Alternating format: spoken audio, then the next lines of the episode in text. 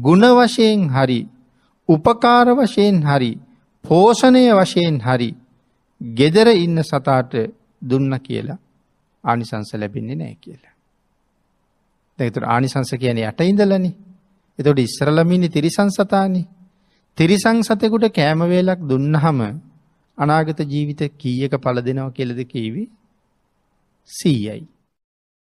තිරිසං සතෙකුට කෑමවේලක් දුන්නහම ඉදිරි අනාගත ජීවිත සීයක මට විපාක දෙනවා එක. බඩිගින්න ඉන්ඩ වෙන්නේ නෑ. තවත් මේක සීය සීය වෙලා ආකාර පන්සීයකින් විපාක දෙනවා. බාණ්ඩක ශාසනයේ දානය මොන තරං උත්තරීතරද කිය. මෙවන් දානයට නින්දා කරන අය කොච්චර ඉන්නවද. සමහරයකිනවා භාවනා කරනකොටත් දන් දෙන්න පා කියලා. සමහර භාවනා කරන ඇත් කෙනවා දන්දීල වැඩක් නෑ භාවනා කරන්න ඕන කියලා. මේ ශාසනය එක දානයේ. දානයට නින්දා කරලා යම් කෙනෙක් මේ ශාසනයේ ආර්යන් වහස නමක් වෙන්ඩ බලාපොරොත්තු වෙනවනං ඒක මේ බුද්ධ ශාසනය ඇතුළි වෙන්නේ නැති වැඩ. එත දානය අමතක කරලා මේ ගමන යන්න බෑ.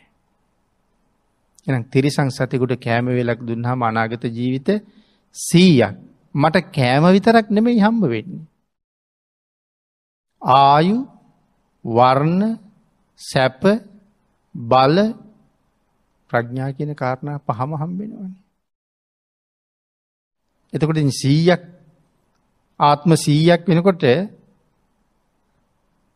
කාරණ පහගානය හම් පන්සීයක්. ජාති පන්සීයකින් එක විපාක දෙනවා. තිරි සංසතකුට ආහාර වේලක් දුන්නම්.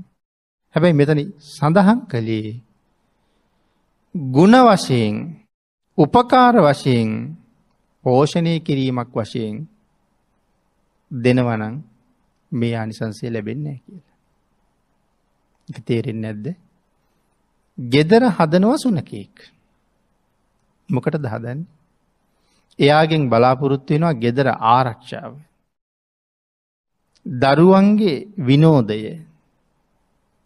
අපිත් විනෝදය හුරතල් කිරීම මේ ඔක්කොම එයාගෙන් බලාපොරොත්තු වෙනවනි. එතකොට අපි එයාට කෑම දෙන්නේ අපිට එයාගෙන් උපකාර බලාපොරොත්තුයි. අපි නැතිලාවට දරුව බලාගනි දරුවන්ට සෙල්ලං කරන්න පුළුවන්. අපිටත් විවේකිව දුවන්ට පයින්ට පුළුවන් ඇත් එක්ක ගෙදර ආරක්ෂාව. එතකොට අපි එයාට කණ්ඩ දීලා තියෙන වෙනම ආයෝජනයක් වෙන්නේ.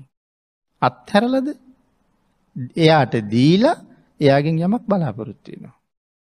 එහෙම දුන්න කියලා මේ ආනිසංස ලැබෙන්නේ නෑ කියලා කියන. එතකොට කුකුලු ඇති කරනවා. දස් ගන ඉන්න ගොයි පොලවල එනම් මොන තරම් කණ්ඩ දෙනවද.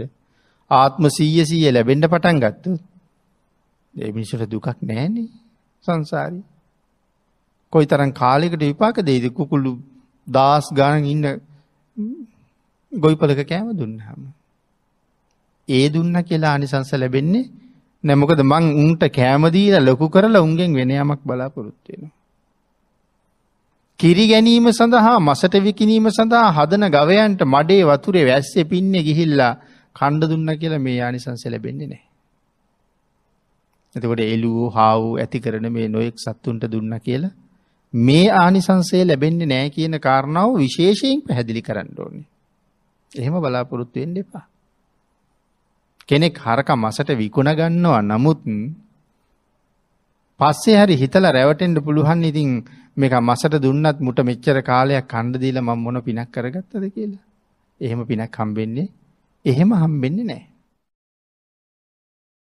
ගෙදර ඉන්න ගෙදර ඉන්න සුනකයාට නමුත් කෑම දෙන්න දුන්න නං එයාගෙන් කිසිම දෙයක් මං බලාපොරොත්තු නෑ. එහෙම දුන්නන දැ ගෙදල කුරුල්ලු ලෑල්ලක් හදල තියෙනවා. ඉති ඒකට කෑම දහම ලේනුත් කනව කුරුල්ලොත් කනවා තව සත්තුත් කනවා නමුත් අප ඒගොල්ලන්ගේ මුකුත් බලාපොරොත්තු නෑන ඒගොල්ල ඇවිල කාල යනවනි. අං එහෙම බලාපොරොත්තුවක් නැතුව දුන්න හම තමයි මේ ආනිසන්සේ ලැබෙනවා කියල කිය. මාළු ටැංකියක් හැදුවත් ඒකට කෑම දැම්මොත් ඒත් මේ අනිසංසය ලැබෙන්නේ. ඇ ඒකනුත් අපි බලාපොරොත්වෙන දේවල් තියෙනවාන්නේ. යනේන අයට පෙන්න්න නොම අපේ මාළු ටැංකිය. ළමයින්ට බලාගෙනීන්ට ළම යන්ට නිලාට එතෙන්ට එක ගිල්ල පෙන්නලා ඉගොල්ලුත් නලවගන්න. මමත් විවේකි වෙලාවි ඒක දිහා බලාගෙන ඉන්න. එතකට අපිට ප්‍රයෝජනයක් සඳහන්නේ සමහරයි කියන්නේ හදවත් රෝගීන්ටත් හොඳයි මේ මාළු ටැන්කි දිහා බලාගෙන ඉන්න එක කියලා.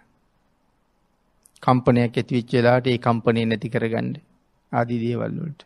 ඉතින් එතකොට අපිට ප්‍රයෝජනයක් සඳහායි මාළු ටැන්කිය තියෙන. ඒ මාළුන්ට කෑම දුන්න කියලා මේ කියන ආනිසන්සේ හම්බ වෙන්නෙත්